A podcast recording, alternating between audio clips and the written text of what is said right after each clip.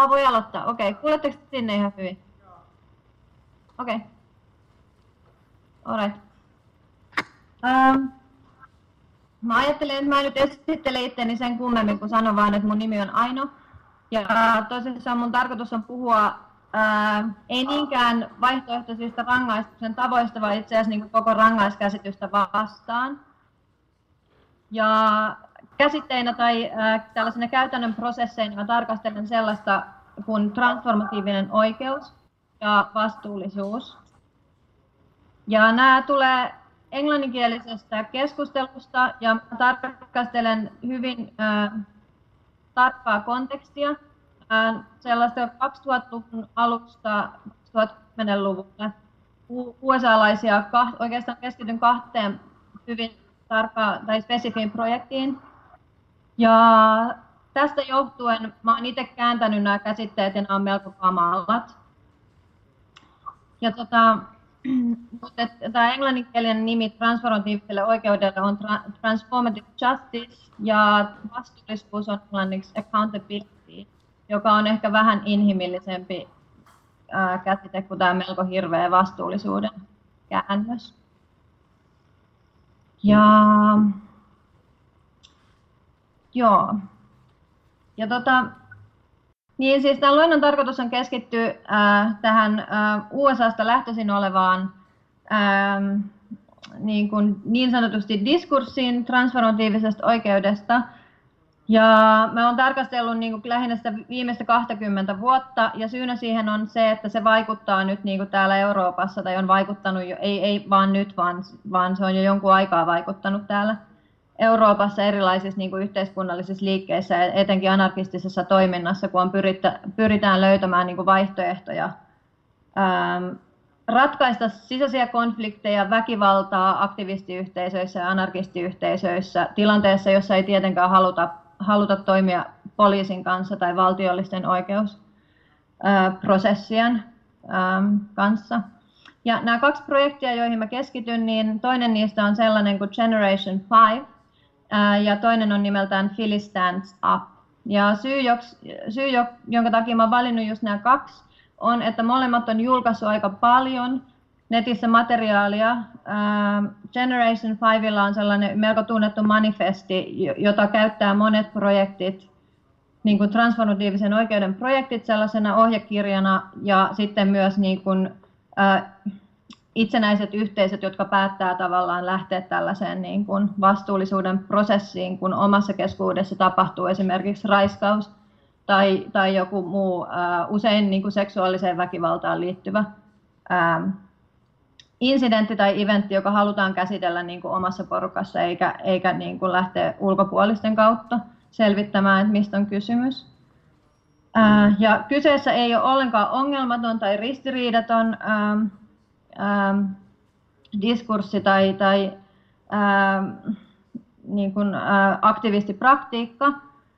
Äh, ja tälle on olemassa niin kuin transformatiiviselle oikeudelle ja tälle vastuullisuuden äh, ajatukselle on olemassa paljon kritiikkiä myös anarkistien parissa niin kuin itse käytännössä, käytännössä, kun on tehty näitä prosesseja, niin on paljon kirjoitettu siitä, että mikä niissä menee vikaan ja mikä on hankalaa, joten mä tulen tarkastelemaan näitä niin kuin kriittisesti ja yritän tuoda mukaan koko aika tähän myös sitä kritiikkiä. Ja sitten on olemassa kritiikkiä myös niin sanotusti tällaisesta teoreettisesta näkökulmasta. Käytäntö ja teoria nyt ei koskaan ole irti toisistaan, mutta, mutta, mutta mä myös ähm, käyn läpi muutaman pointin tuossa lopussa, jotka liittyy lähinnä näihin käsitteisiin ja, ja sitten niin kuin tämän tietynlaisen niin kuin filosofian, tässä tähän transformatiiviseen oikeuteen liittyvän filosofian tai ihmiskäsityksen ongelmallisuudesta. Mutta samalla tämä on sit erityisen kiinnostavaa, koska, koska mitä transformatiivinen oikeus ja nämä vastuullisuusprosessit tällä hetkellä tekee, on, että ne niin kuin aktiivisesti tässä ajassa tarjoaa käytännön malleja ja kokemukseen pohjautuvaa tietoa siitä, että mitä mahdollisuuksia meillä on toimia irrallaan valtiollisesta oikeusjärjestelmästä ja rangaistukseen pohjautuvasta oikeuskäsityksestä.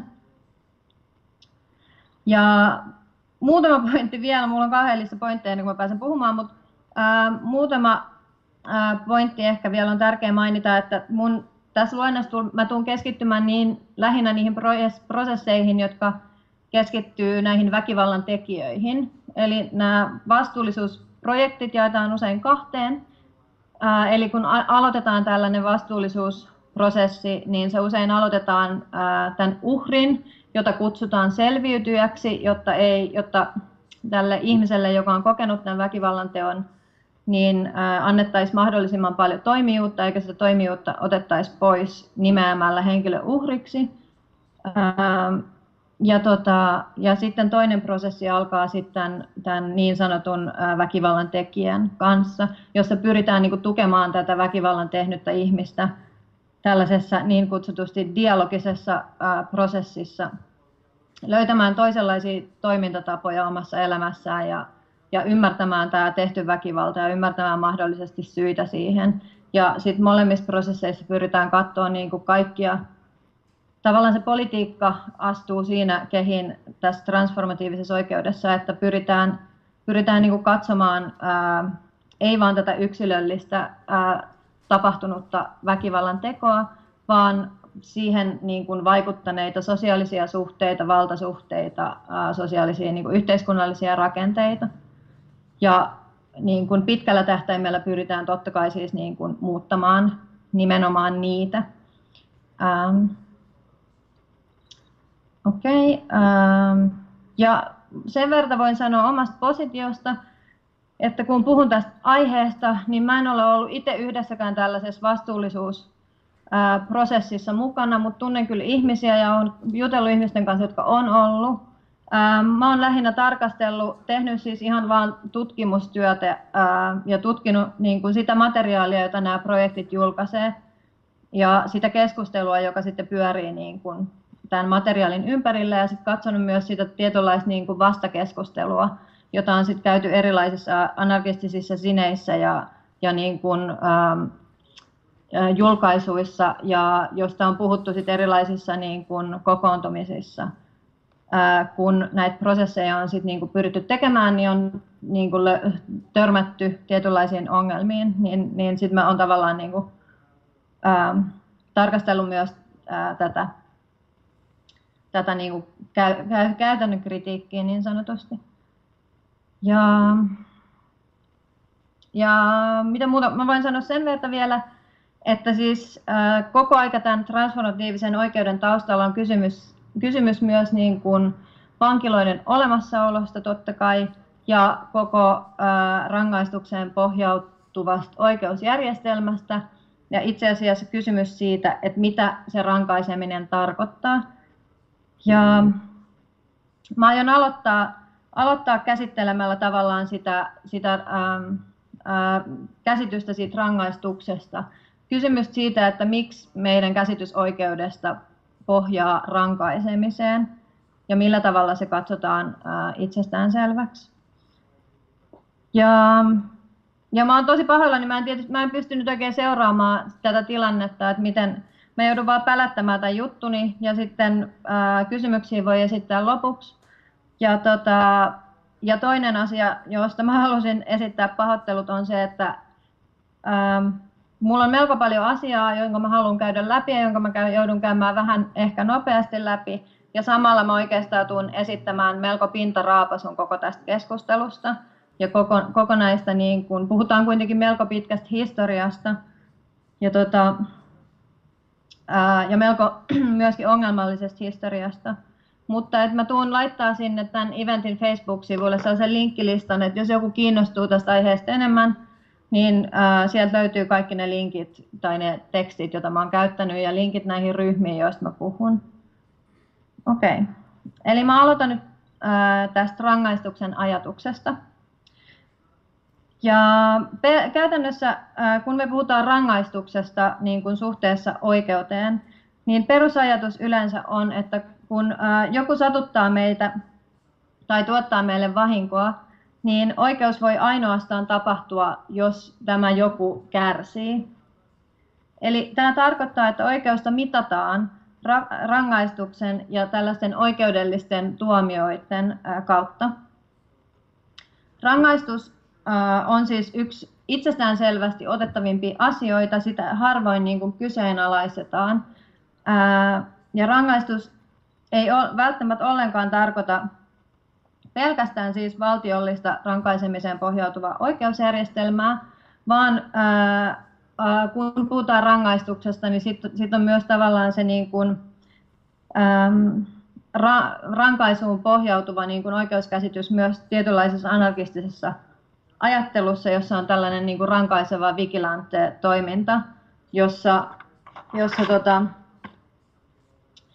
ää, jossa tällainen niin kuin rankaisemisen, ää, jonkun väärin toimineen ihmisen rankaisemisen niin kuin itse tekemällä, niin se voidaan nähdä jollain tavalla voimauttavana. Tai, ja silloin käytetään usein sellaisia keinoja kuin häpäisy tai jostain projektista tai yhteisöstä erottaminen, henkilöllisyyden julkistaminen tai jopa kivun tuottaminen. Ja tämä rankaiseva malli on siis myös tässä, niin kun, kun puhutaan anarkistisista ää, tällaisista ää, ää, oikeudellisista ää, tai oikeudesta anarkistisessa ää, ää, keskustelussa, niin silloin ää, niin kun se on tavallaan jakautunut kahtia, että siellä on se dialoginen puoli, jossa tota, jossa on tämä tra- tra- ajatus transformatiivisesta oikeudesta ja näistä vastuullisuusprosesseista muun muassa, ja sitten on tämä sit on tää tällainen ää, ää, tää toinen niin kuin rankaiseva puoli, jossa sitten voidaan niin kuin puuttua suoremmin tämän yksilön toimintaan, ja jos on nimenomaan ajatus siitä, että tuotetaan niin kuin vahinkoa tälle henkilölle. Ja kun puhutaan rankaisemista ylipäätään, niin on tärkeää tiedostaa, että se on ideologinen ja historiallinen ihmisen tuottama konstruktio. Ja äh, sellainen tutkija kuin Sara Lamble, joka tutkii, tällä, tutkii äh, tällä hetkellä transformatiivista oikeutta ja pitkälti käyttää myös niin kuin näitä samoja projekteja äh, esimerkkinä, jota, jota mä oon tarkastellut, niin hän nostaa esille, että rankaisemisen ytimessä on, on tällainen ristiriita, että minkä takia on oikein ajatella, että me voidaan rangaista tekijää teoilla, jotka olisivat vahingollisia muita tai väärin muita henkilöitä kohtaan. Ja hän nostaa myös esille yleisimmät syyt rankaisemisen oikeuttamisen takana, ja niistä ensimmäinen on pelote. Eli kun puolustellaan tätä rankaisemisen itsestäänselvyyttä, niin, ähm, niin ensimmäisenä sitä tavallaan puolustetaan sillä, että se on hyvä pelo. Tässä on esimerkki muille niin valtiollisessa kuin tämä sama argumentti toimii tavallaan sit niin kuin, äh, anarkistien parissa. Äh, ja tota, ongelmana siinä on, että usein tämä pelote ei ole kauhean toimi, toimiva ja siinä on tosi ristiriitaisia tuloksia ja se olettaa myös tällaisen niin kuin rationaalisen äh, ihmisen, siis tällaisen jä, ihmisen, joka toimii aina jotenkin järkevästi. Ja tämä oletus on myös melko ongelmallinen. Toinen puolustus on menetys, eli ajatus siitä, että eristämällä vahinkoa tuottava yksilö suojellaan yhteisöä tai tätä yksilöä itseään. Ja totta kai tällainen tapa toimia voi toimia hetkellisesti, mutta esimerkiksi kun puhutaan vankiloista, niin se on päivän selvää, että ihmiset tulee vankiloista usein paljon, ää, paljon vahinko, vahingoittuneempina kuin, kuin sinne mennessä. Ja ää, vankilat itse, kun tarkastellaan niin kuin tuomioita ylipäätään, niin, niin toki, me, toki on niin kuin, vankiloissa istuu, tuomioita, ää, istuu myös jengiä, joka istuu elinkautisia tuomioita, mutta periaatteessa siis vankilassa myös on paljon porukkaa, joka niin kuin käy siellä, eli on poissa tästä niin kuin yhteisöstä melko lyhyen aikaa. Ja ää, sitten tähän niin kuin tämän menety, menetyksen ää, pointin kritiikkiin kuuluu, että siis myös vankila on vankilassa niin kuin sisällä, että vahingollinen ää, toiminta tai käyttäytyminen ei suinkaan ää, niin kuin, vankila ei eristä tätä yksilöä mihinkään ää, tilanteeseen, jossa tämä itselleen tai muille vahinkoa tuottava yksilö sit jollain tavalla ei, ei olisi edelleenkin niin kuin vahingollisten asioiden parissa. Kolmas pointti on sopeuttaminen yhteiskuntaan ja kuntouttaminen.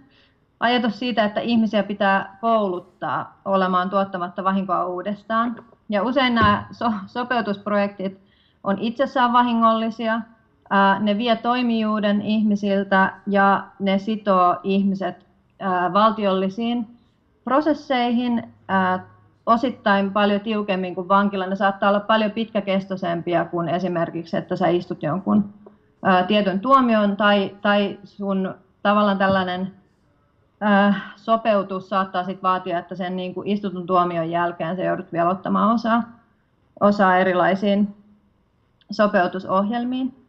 Eli se niin kuin ikään kuin pidentää sit tuomiota. Ja sitten on hyvitys ja korvaus.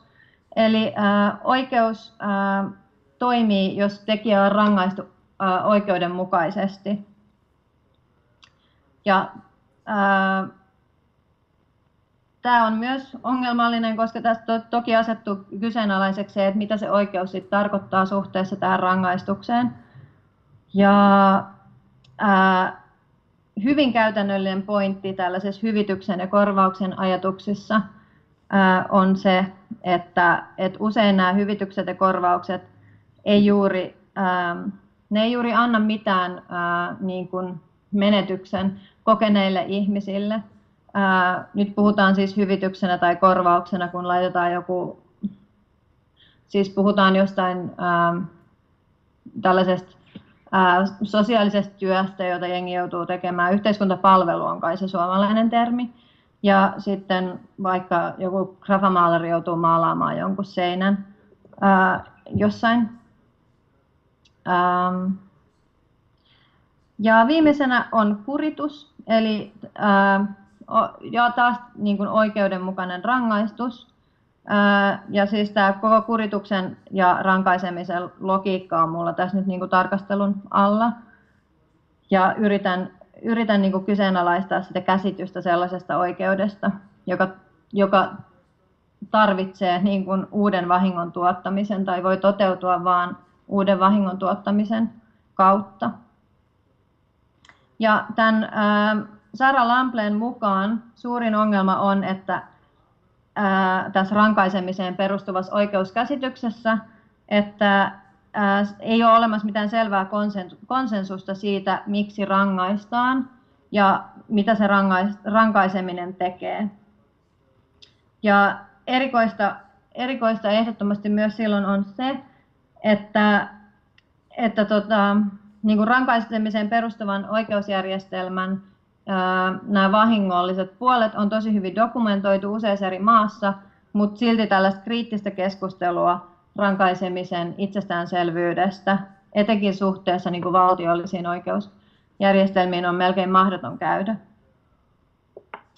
Ja, ja siis kun puhutaan näistä niin kuin, ää, ää, vahingollisuudesta, niin silloin puhutaan niin kuin, esimerkiksi vankien kohdalla puhutaan oman yhteisön menetyksestä, perhesiteiden katkeamisesta, kodittomuudesta, rangaistuksen jatkumisesta tuomion ulkopuolelle, joka tarkoittaa siis sitä, että ää, tietyllä tavalla sun linnatuomio ei suinkaan pääty siihen, kun sä kävelet vankilasta ulos, vaan, vaan sitten alkaa niin kuin melko pitkä ja hankala prosessi ää, suhteessa siihen, että sä yrität aloittaa tai jatkaa sun elämää siitä, mihin se jäi, kun se jouduit vankilaan, tai, tai sitten yrittää aloittaa uudestaan. Eli, eli siis löytää koti, löytää töitä, asettua aloilleen, selvitä jotenkin ylipäätään siitä, niin kuin siitä henkisestä stressistä, jota monelle vankilassa oleminen on tuottanut.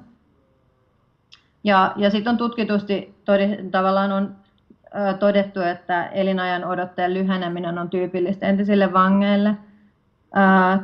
Monilla on paljon mielenterveysongelmia ja, ja sitten sit, ähm, ongelmana on myös se, että sulla on tietynlainen tällä yhteisöllinen stigma, josta on sit tosi tosi vaikea päästä eroon. Ja rankaisemisen kritiikkiä on siis, siitä on keskusteltu sit myös lasten kasvatukseen liittyvässä tutkimuksessa ja pedagogiassa, eli tämä ei koske vain niin kuin tällaista oikeusjärjestelmän kritiikkiä, tai nämä on tavallaan sama asia. Ja, ja yleisenä pointtina voin vielä sanoa, että et, et se, niin kun, kun puhutaan rankaisemisesta, niin se on melko kiinnostavaa huomata, että kun sitä rupeaa tarkastelemaan, niin tajuaa, kuinka syvälle se on jollain tavalla juurtunut yhteiskunnan eri kerroksissa. Eli, eli se ei ole vain se oikeusjärjestelmä, josta me puhutaan, vaan me puhutaan myös silloin perheistä, kouluista, kodeista, me, meidän yhteisöistä. Ää, se on tietynlainen logiikka, joka tavallaan niin kuin, ähm, joka jollain tavalla on niin kuin, läpäisee myös hyvin niin kuin, henkilökohtaisia ihmissuhteita. Ja tämä rankaisemisen malli on sit erityisen avoin tietysti rasismille, seksismille ja luokkaerotteluille ja palvelee usein niin kuin, ää, tietyn ää, luokan etuja. Ja kysymys ää, tähän rankaisem, ra, rankaisemisen kritiikkiin liittyy, että miltä oikeus sit näyttäisi, jos me ei käytettäisi rangaistusta ollenkaan, tai kuinka, kuinka niin kuin radikalisoida tällainen kysymys oikeudesta? Ja kuinka ajatella niin kuin radikaalisti uudestaan oikeutta. Ja mun vastaus, tai mä pyrin muodostamaan vastauksen näihin kysymyksiin nimenomaan tarkastelemalla tätä transformatiivista oikeutta.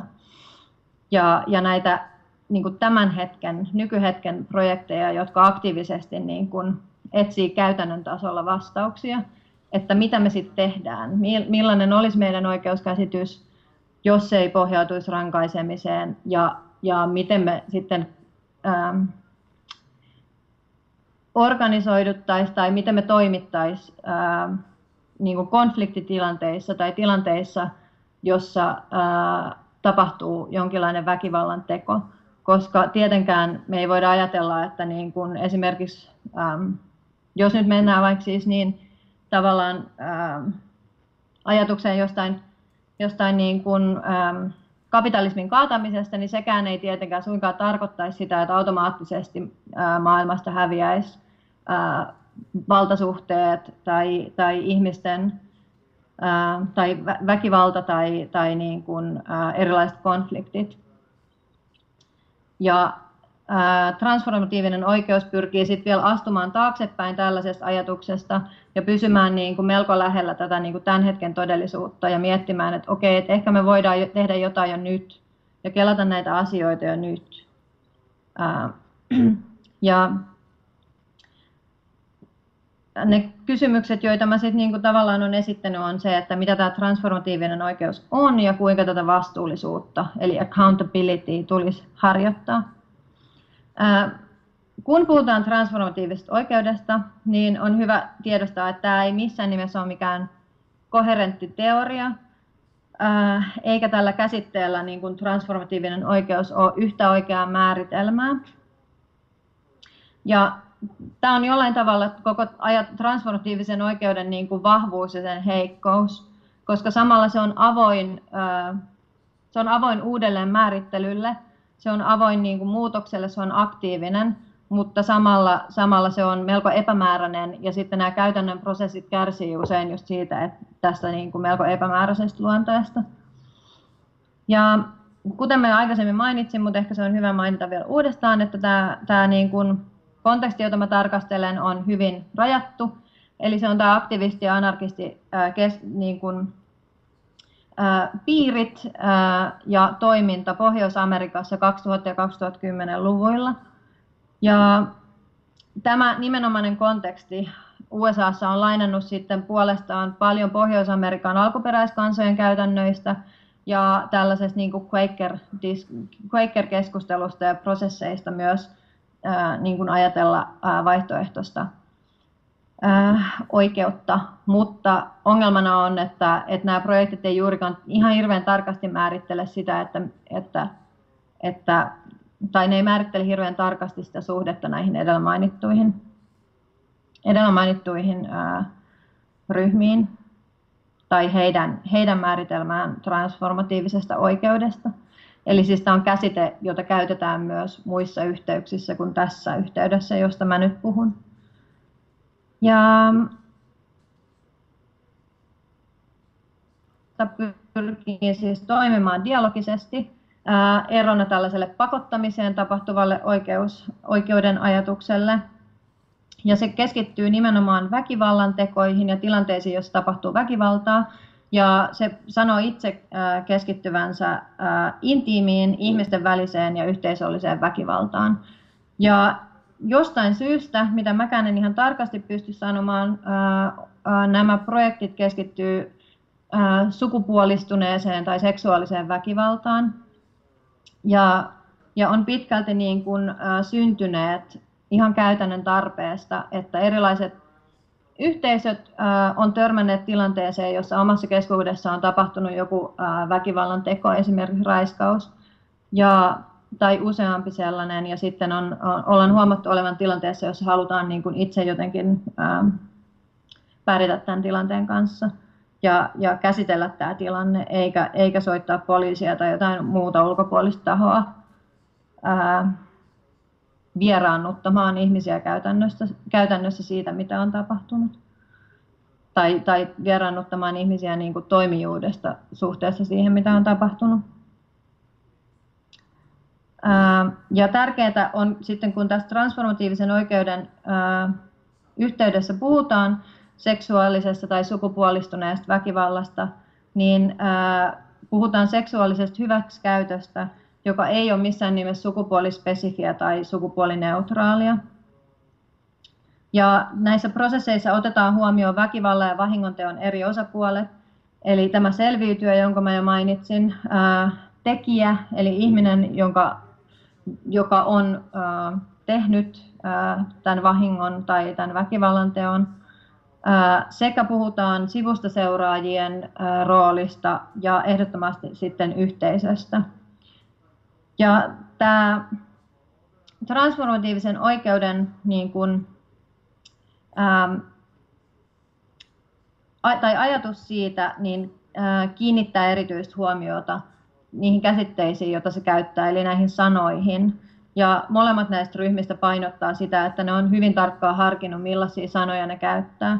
Oli tästä nyt sitten mitä, mitä tahansa mieltä, mutta joka tapauksessa ne on halunneet nimenomaan valita, nimetä ihmisiä, jotka on mukana näissä prosesseissa sillä tavalla, että heiltä ei ainakaan sillä nimeämisellä vietäisi niin kuin lisää sitä toimijuutta. Ähm. Ja, ja tässä on sitten vielä ehkä niin kuin äh, hyvä ymmärtää, että usein äh, kun katsotaan tätä tiettyä usalaista kontekstia, niin, niin nämä projektit tai prosessit on tapahtunut niin kuin ryhmissä, jolla on usein niin kuin jaettu tällainen politisoitunut identiteetti. Ja, ja sitten tähän identiteettiin kuuluu, että siihen liittyy myös tietynlainen niin kuin sorrettu ää, asema yhteiskunnallisissa rakenteissa ja etenkin suhteessa sit oikeusjärjestelmään. Ähm, ja tällaisia esimerkkejä niin kuin näistä äm, ryhmistä tai yhteisöistä on, on erilaiset aktivistiyhteisöt, ää, erilaiset ää, värilliset yhteisöt, ää, queer-yhteisöt ja erilaiset vaihtoehtoja, niin kuin underground-porukat ja anarkistit. Ja kun puhutaan ää, tällaisesta oikeuskäsityksestä, jo, jossa halutaan nähdä joku muutoksen mahdollisuus, niin, niin puhutaan ää, oikeuskäsityksestä, jossa halutaan korostaa ihmisarvoa. Ja tähän liittyy toki ongelma, että tämä osittain luo sellaisen niin sanotusti essentialistisen ihmiskäsityksen, joka tarkoittaa sitä, että, että tämä keskustelu usein olettaa, että ihmiset ovat syntyä, syntymästään jonkinlaisia. Ja totta kai tämä mielellään haluaa tämä keskustelu tai nämä projektit olettaa, että ihmisyyden pohjalle tietynlaisen hyvyyden, joka, joka on tavallaan ihan kiva ajatus, mutta se on samalla myös tosi normatiivinen ja, ja ongelmallinen, että ihminen olisi niin kuin olemukseltaan jonkinlainen jo ikään kuin ennen syntymäänsä. Mutta, mutta tähän liittyy tähän niin kuin ihmisarvon äh, korostamiseen liittyy kuitenkin tosi tärkeitä pointteja. Eli äh, tämä äh, vastuullisuusprosessit, äh, kun kutsutaan joku ihminen tällaiseen vastuullisuusprosessiin, niin, niin on tärkeää, että jokaisella osa, osallistujalla on se ihmisarvo. Äh, tai jos äh, tai vähintäänkin sitten se ihmisarvo tulee palauttaa. Eli puhutaan myös siitä henkilöstä, joka on tehnyt sitä väkivaltaa. Puhutaan siitä henkilöstä, jota tässä tilanteessa nyt niin kuin syytetään raiskauksesta esimerkiksi, tai joka kutsutaan tällaiseen prosessiin koska, hän, koska on olemassa toinen ihminen, joka sanoo, että et, et, häntä kohtaan on, on käyttäydytty väkivaltaisesti. Ja keskeinen ajatus siis on, että ilman ihmisarvoa ei voi olla tällaista vastuullisuutta, ää, accountabilityä. Ja, ja tota, tämä ihmisarvo on ainut, joka takaa toimijuuden, ja tämä toimijuus puolestaan sit vastuullisuuden. Eli koko tämä niinku vastuullisuuden, yksilövastuun ajatus on, on aktiivinen, ja se vaatii niin kuin ihmisen jolla on, sitä, jolla on tarpeeksi toimijuutta. Eli tämä asettaa tämän koko niin kuin ajattelun täysin vastaan niin kuin tällaista rankais, rankaisemiseen pohjautuvaa ö, oikeuskäsitystä, jossa toimitaan täysin päinvastoin, että käytännössä otetaan, niin kuin, otetaan, otetaan toimijuus ja usein otetaan myös ihmisarvo pois, pois henkilöiltä, jotka joutuu sitten niin kuin, ö, valtiollisten oikeusprosessien ö, myllerrykseen. Ja tärkeää on, on nimenomaan tässä kontekstissa on ajatus siitä, että et, et tässä pyritään muuttamaan ajatusta siitä oikeudesta niin kuin ruohonjuuritoiminnan kautta ja että nämä prosessit on lähtenyt käytännön tarpeesta. Ja nämä, nämä on usein ää, pro, niin kuin eri yhteisöjen itse tuottamia prosesseja ja ja tässä niin kuin tavallaan se oikeuskäsitys säilyy jonain sellaisena, jota koko aika voidaan uudelleen määrittää ja, ja johon, johon on joku pääsy, jollain tavalla siihen uudelleen määrittelyyn on jonkinlainen pääsy. Se ei ole vaan, vaan se, se valtion tai, tai listan lakeja määrittelemä käsitys siitä, mikä on oikein tai väärin, joka sitten vaan niin kuin ajetaan jollain tavalla sun päälle, vaan, vaan sä oot niin kuin itse elävässä suhteessa sun yhteisön tapaan ajatella sitä, mikä meidän mielestä on oikein ja mikä on väärin ja mihin me asetetaan rajat siinä, että, että minkälainen niin tapa toimia tai millainen käyttäytyminen on, on sallittua ja mikä ei. Ähm, mä huomaan, mä oon puhunut näistä osan jo, mä vähän tsekkaan, missä mä Joo, sitten äh, ihan perus, tämä nyt on varmaan aika itsestäänselvää jo tässä vaiheessa, mutta ehkä hyvä vielä mainita, eli nämä äh, transformatiivisen oikeuden projektit, niin ne toimii irrallisena valtiollisesta oikeusjärjestelmästä ja ne pyrkii toimimaan vapaaehtoisesti, mikä on myös pikkasen kyseenalaista, mutta käytännössä ajatus on, että jos ähm, joku henkilö äh, ilmoittautuu tällaiselle äh, ryhmälle, äh, ja haluaa niin kuin lähteä tällaiseen vastuullisuuden prosessiin tai kutsuu jonkun toisen ihmisen, joka on tehnyt hänelle ää, ää, väkivaltaa tai on, on aiheuttanut jotain vahinkoa, niin ää, ajatus on, että tämä ryhmä joko luodaan itse siinä tilanteessa tai joko se, on, jos se, on, se voi olla olemassa oleva ryhmä, kuten nämä mun kaksi esimerkkiä, niin ää, nämä sitten niin kuin organisoituu keskenään ja pikkuhiljaa kutsuu sitten henkilön, ää, jo, henkilön jonka oletetaan toimineen sit niin kuin väkivaltaisesti tähän prosessiin. Ja periaatteessa tarkoitus olisi, että kaikki ää, osallistuu vapaaehtoisesti, mutta ää, sitten kritiikki, joka usein niin kuin annetaan näille projekteille, on, että se vapaaehtoisuus välillä asettuu hieman kyseenalaiseksi, koska nämä ää, prosessit ja molemmat näistä ryhmistä, joista mä puhun, niin sanoo myös ihan avoimesti, että he käyttää niin kuin tällaisia, mm, mikä se on suomeksi, ähm, siis tällaisia äh, painostuskeinoja, äh, kuten esimerkiksi tällainen jul, julkinen ähm,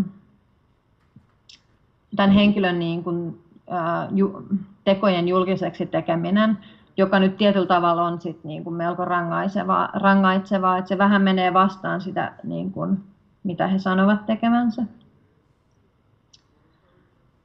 Ja, mutta joka tapauksessa, jos, jos myös nämä molemmat projektit sanoo myös hyvin suoraan, että jos heihin ottaa yhteyttä joku ihminen, joka haluaa sit toimia tai kulkea sen valtiollisen oikeusprosessien reitin, niin he toki auttavat näitä ihmisiä sit löytämään jonkun varmaankin juristin tai, tai ähm, jonkun toisen tahon, jonka kautta sit lähtee viemään sitä sitä kautta eteenpäin. mutta siinä vaiheessa nämä, nämä, nämä projektit niin kuin vetäytyy, että ne ei sitota siihen prosessiin niin kuin sen enempää osaa. Ja sitten äh, transformatiivisen oikeuden päämäärät on listattu seuraavasti tämän äh, Generation 5-ryhmän äh, puolesta. Ja nämä päämäärät on sellaisia, joita käyttää sit monet muut projektit, myös sellaiset, jotka itse organisoituu, jotka ei ole valmiita ryhmiä, vaan organisoituu sit jonkun tietyn tapahtuman ympärille. Ja tällaisia, näistä ensimmäinen päämäärä on äh, turvallisuus, toipuminen kautta parantuminen. Tämä on englann, tulee englanninkielisestä sanasta healing ja toimijuus selviytyjille. Eli tämä on aina selviytyä niin kuin lähtöistä äh, toimintaa. Toinen on vastuullisuus ja muutos ihmisille, jotka vahingoittavat. Ja kolmas yhteisön toiminta, toipuminen ja vastuullisuus koko yhteisössä.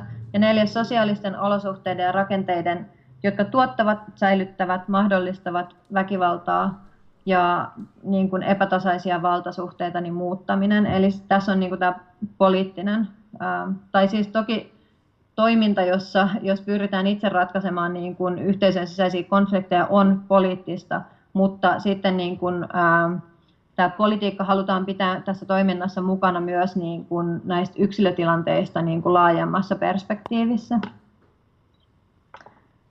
Ähm, ja usein kun puhutaan transformatiivisesta oikeudesta, niin sitten siihen ää, sen rinnalla kulkee toisenlainen keskustelu tällaisesta restoratiivisesta oikeudesta. Tämä on mun myös tällainen aivan karmea kää, niin kuin anglismikäännös mutta se on restorative justice englanniksi. Ähm, ja ähm, tärkeää niin kuin näissä kahdessa keskustelussa on, on huomata se, että trans, transformatiivinen oikeus tekee hyvin selväksi, että ne eivät, niin kuin ne tekee selkeän äh, tietynlaisen linjaeron tähän, tähän restoratiivisen oikeuden ähm, tapaan toimia siinä, missä restoratiivinen oikeuskin pyrkii toimimaan näiden valtiollisten niin kuin oikeusprosessien ulkopuolella, mutta tähän restoratiivisen oikeuden määritelmään liittyy ajatus siitä, että siinä pyritään jollain tavalla palauttamaan tilanne samaksi kuin se oli niin kuin ennen tätä tapahtunutta väkivallan tekoa.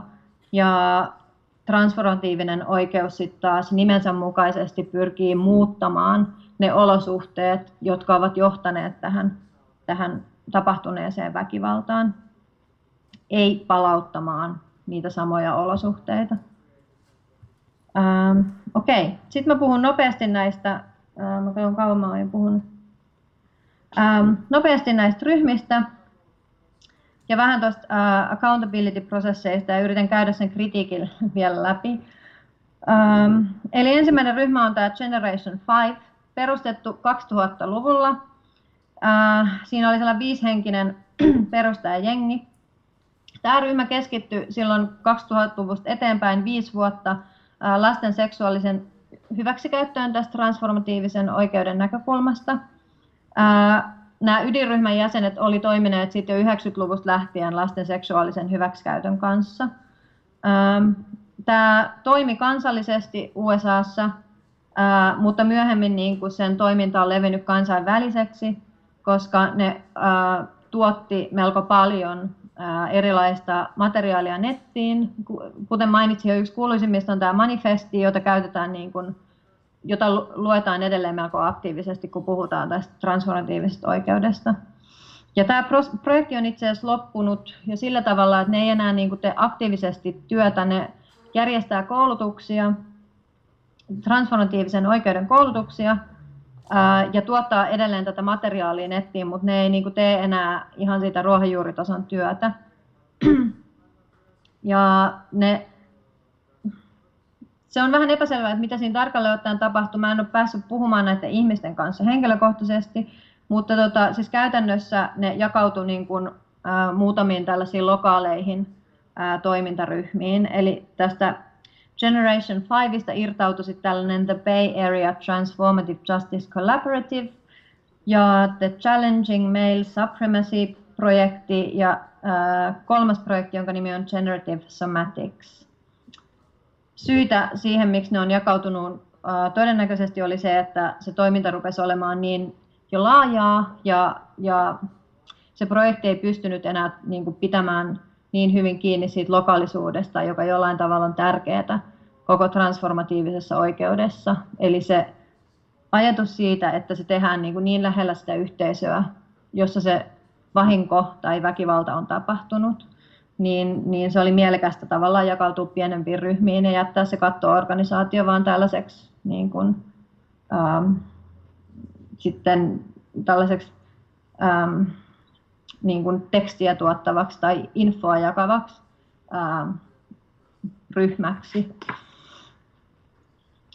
Ja sitten kun tämä ryhmä tekee nykyään näitä koulutuksia, niin siinä on kolme keskeistä pointtia ja ne keskittyy siis poliittiseen analyysiin ja äh, projektien organisaatiokykyyn.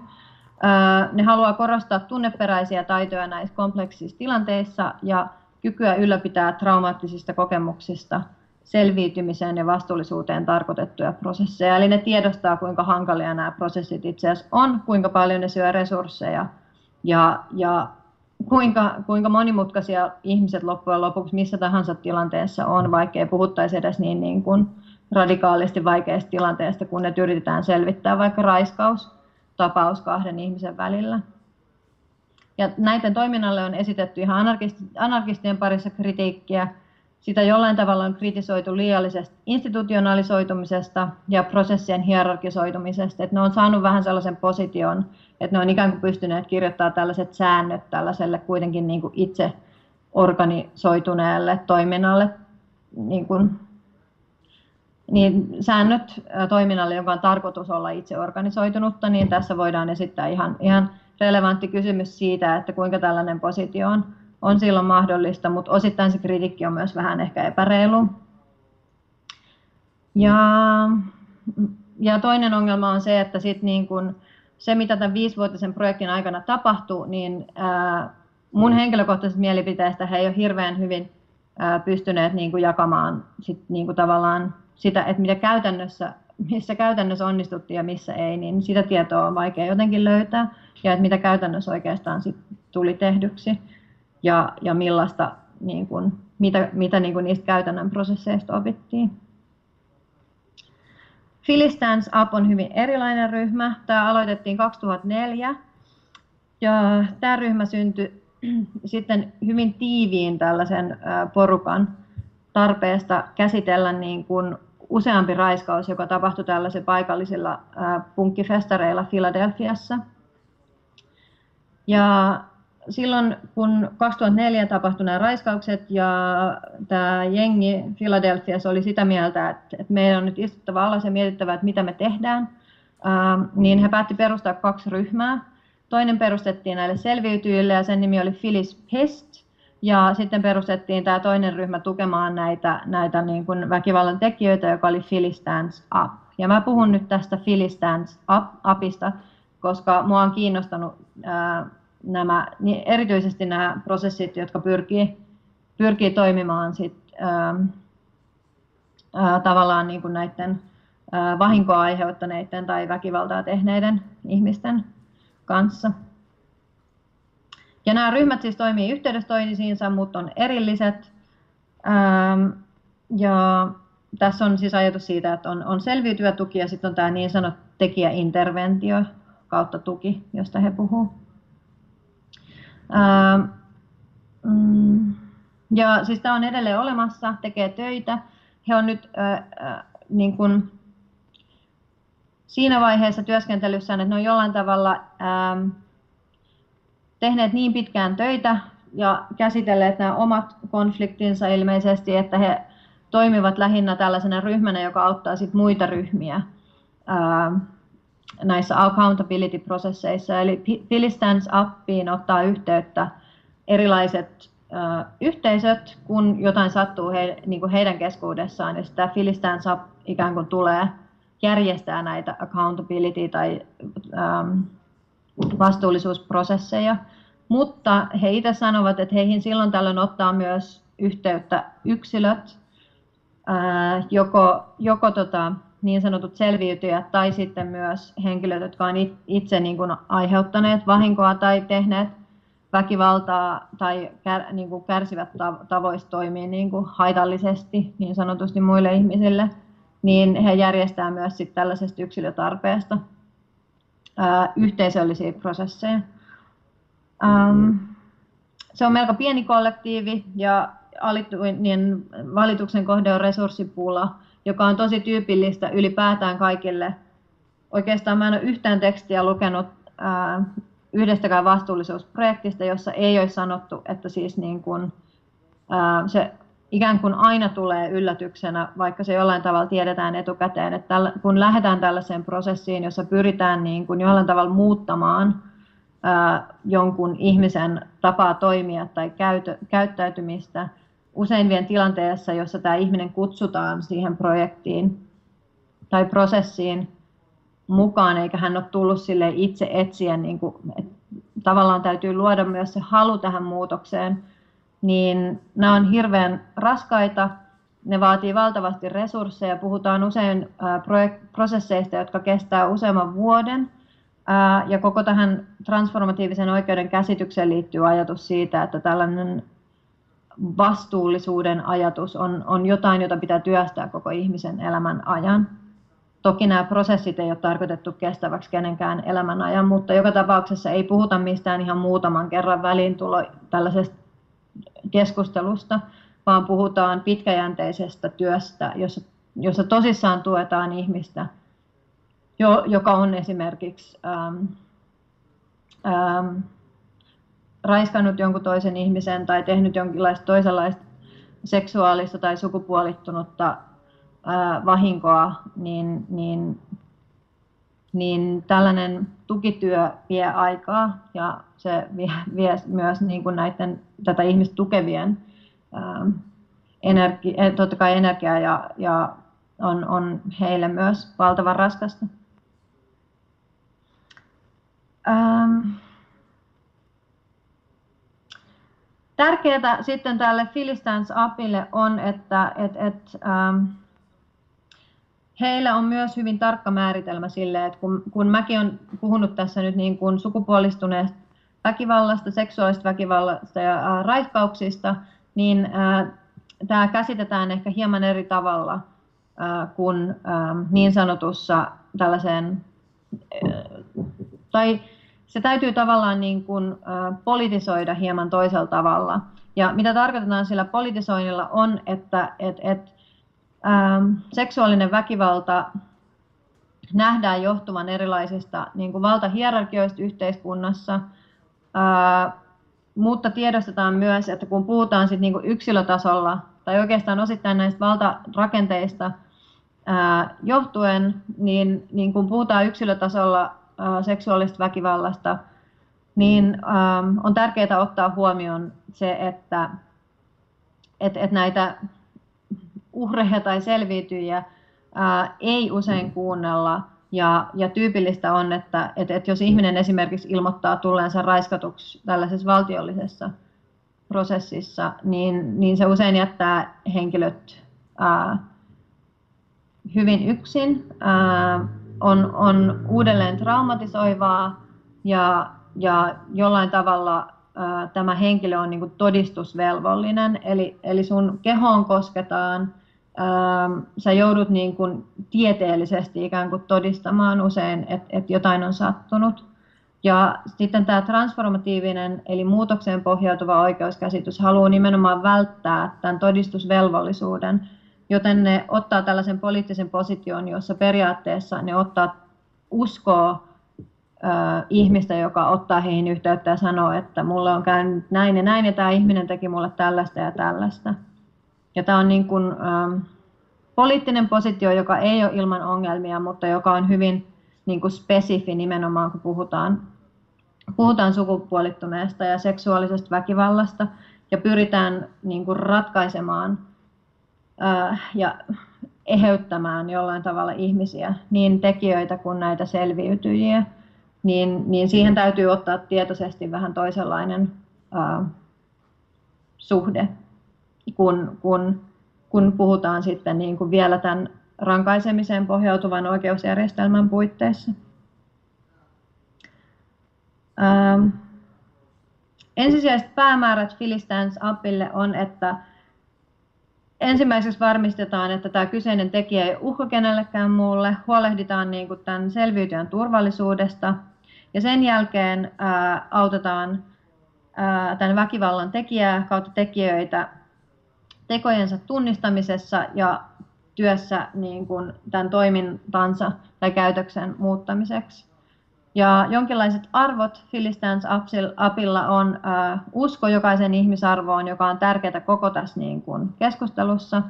Ja toinen äh, rangaistukseen perustuvan oikeusjärjestelmän äh, ja äh, koko hyvin kaupallistuneen vankilasysteemin haastaminen jokaisen ihmisarvoon äh, pohjautuen. Ja tässä on myös tietynlainen radikaali vapaususko, joka tarkoittaa, että he sanovat, että jokaisen riippumatta siitä, mitä sä olet tehnyt, niin tulee voida olla vapaa. Ja toki tällainenkään niin kuin statementti ei ole ilman ongelmia, ähm, mutta se on tietyllä tavalla ähm, niin kuin suhteessa tähän poliittiseen positioon, niin se on jollain tavalla välttämätön. Äh, ja Tärkeää myös on, että nämä, he tekevät myös selväksi, että he ei ole tekemisissä valtiollisen oikeusjärjestelmän kanssa, eli vetäytyvät, vetäytyvät prosesseista, jos joku haluaa sitten mennä tällaista niin kuin lakitietä eteenpäin tämän, tämän oman prosessinsa tai, tai ähm, kokemuksensa kanssa. Äh, Sitten mä haluaisin sanoa muutaman sanan, ähm, kauankohan mä oon puhunut, mä oon puhunut jonkun tunnin. Mä voisin yrittää vielä puhua joku 15 minuuttia ja sitten lopettaa. Mä en ihan kerkeä ehkä kaikkea käydä läpi, mitä mä ajattelin, mutta tota, tota, tota, sit, äh, voi esittää kysymyksiä. Ähm, tämä vastuullisuuden käsite nopeasti puuttuna, niin kuten on jo ehkä tullut selväksi, niin tämä on vähän epämääräinen käsite, äh, mutta tärkeintä siinä on se, että se nimeää näitä niin kuin tosi käytännöllisiä prosesseja jota, jota, siis, jota tekee nämä niin kuin olemassa olevat ryhmät ja jota myös voidaan niin kuin, ää, pistää pystyyn oikeastaan missä tahansa yhteisössä tai kaveripiirissä. Ää, ja tärkeää on tämä vapaaehtoinen osallistuminen, joka jo jollain tavalla laitettiin tähän ongelmalliseen kontekstiin. Mm, aktiivinen osallistuminen on tärkeää, eli tämä on prosessi, joka vaatii siis niin kuin, ähm, vaatii sitä, että ihmiset istuu alas ja käy keskustelua siitä, mitä on tapahtunut, yrittävät löytää niin kuin ensinnäkin äh, tavan nimetä äh, tämä tapahtuma äh, ja sitten ruveta pikkuhiljaa ymmärtämään, että, että millaiset vaikutukset sillä teolla on ollut äh, ja mistä tällainen teko mahdollisesti voisi johtua ja pikkuhiljaa mennä sitten, kun puhutaan tällaisesta väkivallan tekijästä, niin ää, mennä ää, syvemmälle niin kuin tähän kyseisen ihmisen niin sanotuihin narratiiveihin. Nämä ryhmät käyttää tällaista narratiivin nimeä. Hänen omia tarinoitaan siitä, että miksi näin on mahdollisesti tapahtunut tai miksi hän toimii tällä tavalla ja sitten näitä yritetään ää, tietyllä tavalla rikkoa ja jollain tavalla niin kuin rakentaa uusiksi. Ja se, miten tämä käytännössä tapahtuu, on sitä on vaikea tavallaan sanoa, koska nämä prosessit on tosi yksilöllisiä ja riippuu tosi paljon ihan niistä henkilöistä, jotka niissä on mukana, siitä tukiryhmästä, joka sitä prosessia ajaa, ja, ja myös siitä, mitä on tapahtunut ja millaisessa kontekstissa ja millaisessa yhteisössä se on tapahtunut, kuinka paljon se yhteisö on siinä mukana ja kuinka paljon sitä yhteisöä pidetään siinä mukana. Tämä on siis ensisijaisesti dialoginen prosessi, eli se pohjaa, kuten jo mainitsin, keskusteluun. Pointtina oli tämä nimeäminen ja tämän aikaisemman toiminnan hyväksyminen, että se jollain tavalla hyväksyt sen, että mä olen tehnyt jotain toiselle ihmiselle, joka on niin kuin satuttanut tätä toista ihmistä. Ja tähän, tähän toimintaan tämän henkilön tulisi ottaa jonkinlainen vastuullinen asema. Eli kysymys on niin kuin tämän teke, teon tiedostamisesta. Tämä tähtää, nämä, nämä vastuullisuusprosessit tähtää siis muutokseen selviytyön kokemuksessa, tämän väkivaltaisen henkilön käyttäytymisessä, mutta myös ihmisten, jotka jollain tavalla on, on nämä kutsuu näitä mahdollisesti tietoisia tästä toiminnasta, niin myös niin kuin heidän aktivoimiseensa ja, ja sitten ennen kaikkea näihin niin kuin laajempiin olosuhteisiin ja valtarakenteisiin, jotka mahdollistaa tällaista sukupuolistunutta seksuaalista väkivaltaa ja sen jatkumista. Tämä prosessi siis alkaa yleensä etsimällä niin kuin yhteinen tapa puhua tapahtum- ta- tällaista tapahtuneesta ja sitten pikkuhiljaa siirrytään tämän henkilön niin kuin henkilökohtaiseen ää, tapaan kertoa ja kuvailla sitä, mitä on tapahtunut. Eli tässä on jonkinlainen, niin kuin, tämä on ongelma näissä prosesseissa on, mitä sitten niin kuin anarkistiset, ää, tavallaan anarkistisessa keskustelussa on kritisoitu, on se, että tämä tavallaan niin kuin nämä prosessit olettaa tietyn terapeuttisen prosessin, joka tehdään joka on tarkoitus tehdä tai olla sellainen, että kuka tahansa voi pistää tällaisen prosessin pystyyn, mutta ongelmana on se, että sit kuitenkin tämä on ää, asetettu, asetettu jollain tavalla tai, tai niin kuin ohjeistettu sillä tavalla, että tässä vähän tullaan rakentamaan prosessi, joka ikään kuin vaatisi jotain ihmistä, joka tietää, että miten tällaisia niin kuin terapeuttisia prosesseja ylipäätään tulee niin kuin, ää, toteuttaa. Eli siis nämä usein käytännössä monet on sanonut, että ne levii vähän käsistä, on vaikea ymmärtää, että missä tällainen prosessi alkaa, miten se loppuu, mistä tiedetään, milloin joku, jonkun käytöstä joku ihminen on muuttunut, ää, ää, ylipäätään kuinka suhtaudutaan siihen, että nämä prosessit itsessään, joissa on hirveän tavallaan niin kuin hyvä ja poliittisesti tärkeä pointti, niin saattaa itsessään olla uudelleen traumatisoivia tai traumatisoivia kokemuksia, etenkin silloin, kun ne epäonnistuu. Mitä se epäonnistuminen sitten tarkoittaa? Kaikki nämä kysymykset on vielä hyvin avoimia tässä kontekstissa.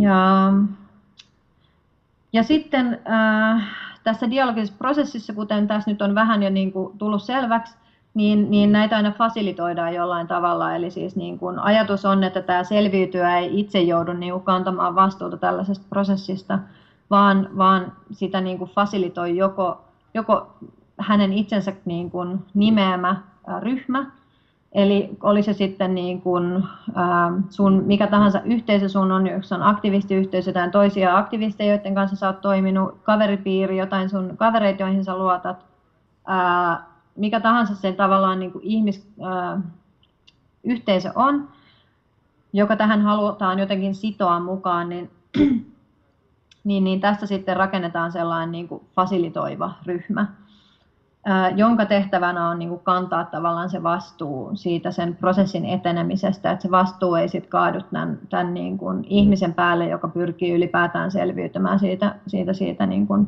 väkivallan kokemuksesta. Ja fasilitoijia voi siis olla yksi tai useampia. Totta kai on helpompaa, jos on useampi, koska silloin, silloin ää, ää, ei, ää, ei, ne on raskaita prosesseja, niin silloin tavallaan ne ryhmät voi tukea toinen toisiaan. Ja mm, perusmallissa Philly Stands Up nimeää sitten kolme tällaista pointtia, eli tärkeintä on identifioida nämä teot, ja tava, siis ensinnäkin se, mitä on tapahtunut, sitten on tärkeää nimetä se, kuinka tullaan toimimaan ja kehen tämä prosessi kohdistuu. Seuraavaksi on hyvin tärkeää määrittää tai oikeastaan hyväksyä se vahingonteon todellisuus ja loppujen lopuksi luoda sitten strategioita näiden kaavojen purkamiseksi. Ja nämä on tietyllä tavalla hirveän selkeitä, kun nämä sanoo näin ääneen, mutta sitten kun mennään siihen käytäntöön, että jotain tapahtuu ja halutaan aloittaa tällainen vastuullisuusprosessi, niin nämä muuttuu kyllä melko abstrakteiksi ohjeiksi ää, senkin jälkeen, vaikka on olemassa aika paljon materiaalia niin kuin näistä, näistä niin kuin prosesseista. Ja mä en nyt valitettavasti kerkeä käydä läpi sit yhtään tällaista prosessia sen tarkemmin.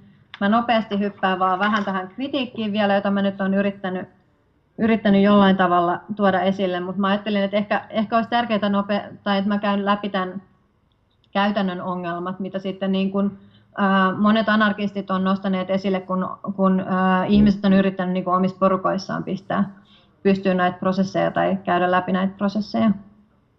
Eli ensimmäinen pointti on ollut useilla, että, ei todellakaan ole selkeää, milloin tämä prosessi loppuu tai millaiselta sen prosessin onnistuminen kautta epäonnistuminen näyttää.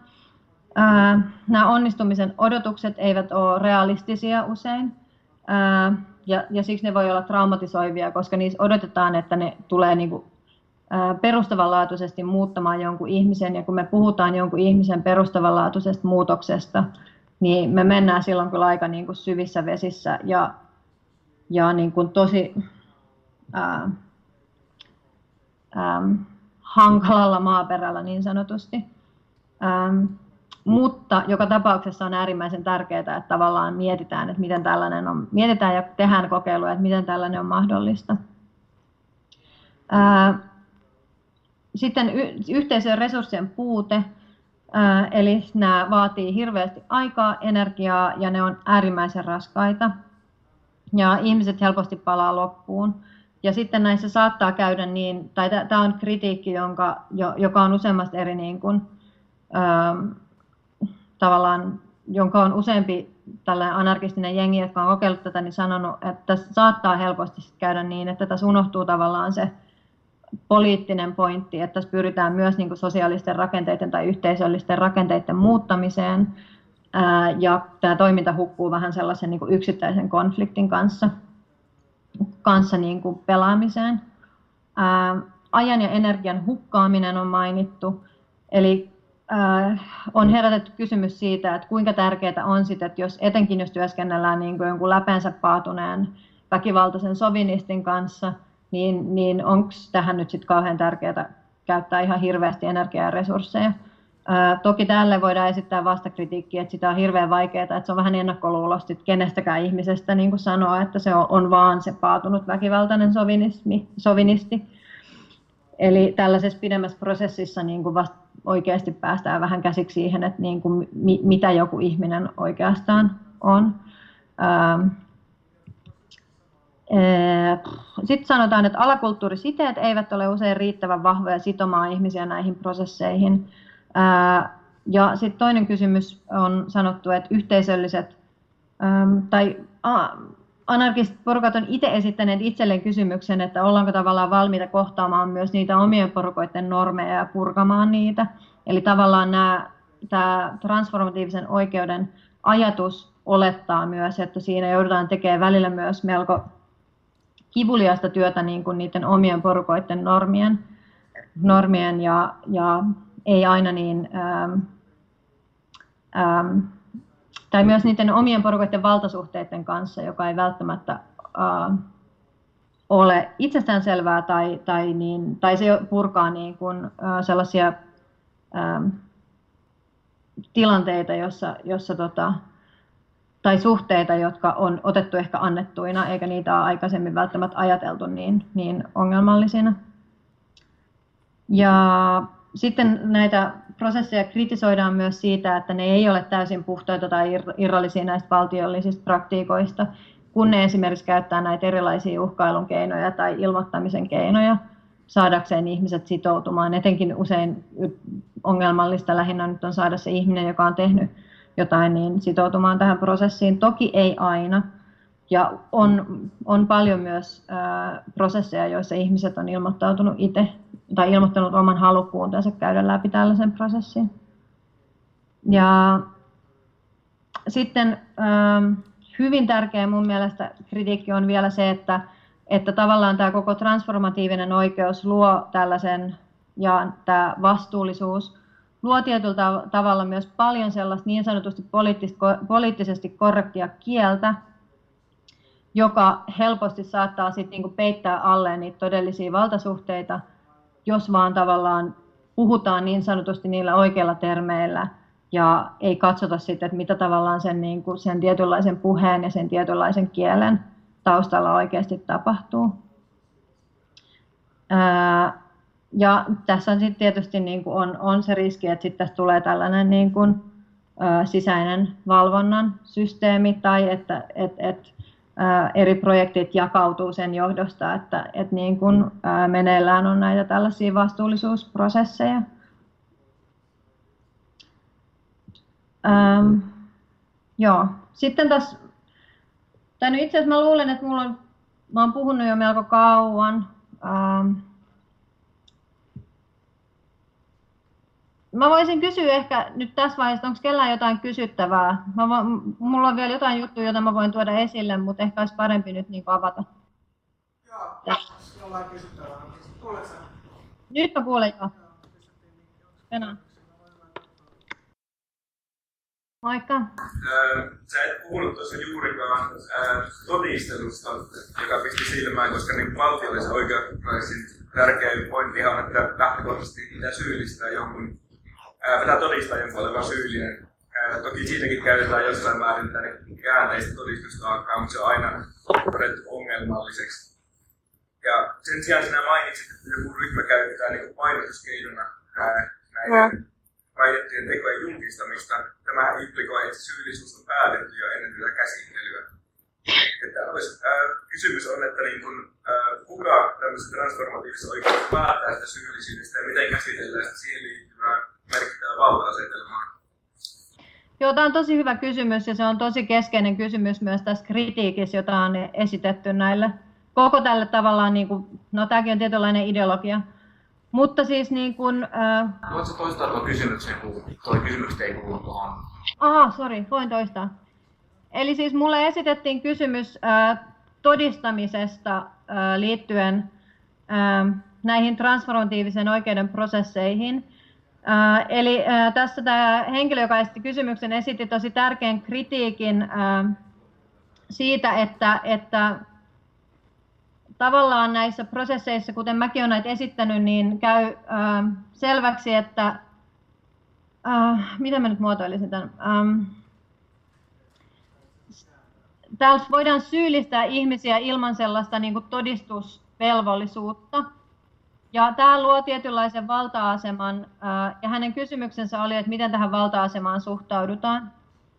Ja mun vastaus, tai mä haluan mainita tässä yhteydessä näiden, näiden projektien itse niin kuin vastaamaan kritiikin. Ja kun he vastaavat tähän nimenomaiseen kritiikkiin, niin he sanovat, että tärkeää on muistaa, että tässä on kysymys tästä seksuaalisen väkivallan kontekstista – ja he ovat ottaneet tällaisen niin kuin poliittisen position suhteessa tähän todistustaakkaan, joka esimerkiksi raiskauksen uhreilla usein on. Eli he haluavat toimia täysin toisella tavalla kuin esimerkiksi poliisi tai oikeuslaitos, kun ihminen ilmoittaa heille, että mulla on nyt käynyt näin ja näin, ää, niin nämä projektit on tietyllä tavalla ää, pakotettuja ottamaan, ähm, niin kuin, ottamaan todesta sen, mitä tämä henkilö sanoo. Ja toinen pointti tähän sit liittyy on se, että ähm, raiskaus ymmärretään hieman toisella tavalla näissä transformatiivisen oikeuden ähm, kontekstissa. Ja raiskaus äh, ei ole niin kuin tällainen kliininen äh, tapahtuma, jossa puhutaan vain jostain niin kuin, penetraatiosta tai, tai jostain niin tosi tarkasti määritellystä tapahtumasta, joka voidaan sit tieteellisesti todistaa esimerkiksi ottamalla sit niin kuin naisen ruumiista jotain näyt, niin kuin fyysisiä näytteitä jostain spermasta, niin ää, raiskaus, on, raiskaus on tapahtuma, jonka kaksi tähän, tähän niin kuin, ää, tapahtumaan osallistunut ihmistä voi kokea hyvin eri tavalla. Eli puhutaan tällaisesta niin kuin, äm, äm, sukupuolisuudesta, jossa hirveän tärkeää on niin kuin yhteinen äm, consent, on tämä englanninkielinen sana, jota mä nyt ihan tarkkaan muista, mikä se käännös on. Et tavallaan siis painotetaan, että et, et siinä missä otetaan tosissaan se, mitä nämä selviytyjät sanoo, ja on totta, että tämä luo hierarkisen suhteen, jossa sitten niin kuin kyllä syyllistetään joku henkilö pelkästään tämän sanoman puolesta, mutta tämä niin sanottu syyllistäminen tehdään ikään kuin positiosta, jossa ymmärretään, että näiden kahden ihmisen kokemus voi olla täysin erilainen siitä tilanteesta. Ja, et, ja osittain näissä tilanteissa on vaikea määrittää, mikä on niin kuin oikein ja mikä väärin, koska kysymys on kahdesta eri niin kuin henkilökohtaisesta kokemuksesta. Mutta koskaan nämä projektit ei jätä sitten niin kuin jollain tasolla kuulematta tätä selviytyjää ja tämän selviytyjän kokemusta ja niin kuin jollain tavalla ää, toimimaan suhteessa siihen, koska, koska nämä projektit myös tietyllä tavalla ajattelee, että jos on mahdollista, että tällainen, syy, syy, tällainen viesti tavallaan esitetään jossain pienessä yhteisössä, niin siinä yhteisössä on jotain menee vikaan, vaik, tai niissä valtasuhteissa on jo tietyllä tavalla joku vika, jos on tarpeellista jonkun ihmisen nimetä joku toinen ihminen näin radikaalista teosta. Tota, yksi, mikä kun kuuntelin toisella korvalla, tota, mistä, Joo. mistä tota, puhuitte, puhutaan ää, raiskauksesta ja siitä, että millä tavalla, että mikä on raiskaus, että mm. vielä on raiskaus. Niin siis mä yritän pyörittää tällaisia käsitteitä kuin henkinen, tai raiskaus henkisellä tasolla tai, tai abstraktissa asiayhteydessä. Lähinnä se, mistä nyt mun käsittääkseni yritetään puhua, tai se asia, mikä meitä kiinnostaa, on häpäisy enemmän kuin se, että millä tavalla tehdään. Oletko kenties samaa mieltä tästä? Um, en ihan ole samaa mieltä siinä suhteessa, että tämä häpäisy kuuluu vielä mun mielestä tähän rankaisemisen logiikkaan, jos yritetään päästä pois. Uh, mutta jollain tasolla on samaa mieltä, että tämä niin kuin häpeän kokemus voi olla uh, yksi um, se voi, sillä voi olla joku rooli tavallaan jonkun henkilökohtaisessa kokemuksessa jostain seksuaalisesta väkivallasta. Um, ja se voi olla erittäin kivuliasta, että tavallaan se, niin kuin sen häpeän kanssa toimiminen sit tällaisessa ö, yksittäisessä niin kuin vastuullisuuden prosessissa on, on varmasti asia, joka useammin kuin, kuin ö, muutaman kerran tulee, tulee esiin.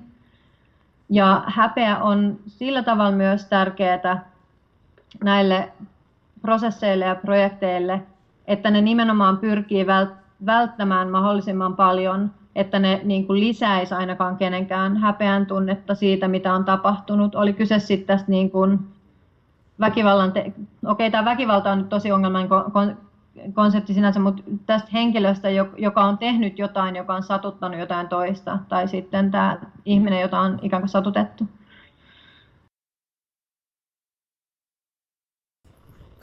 No, ei ole muuta. Kiitos tästä. Eikä sitä. Right.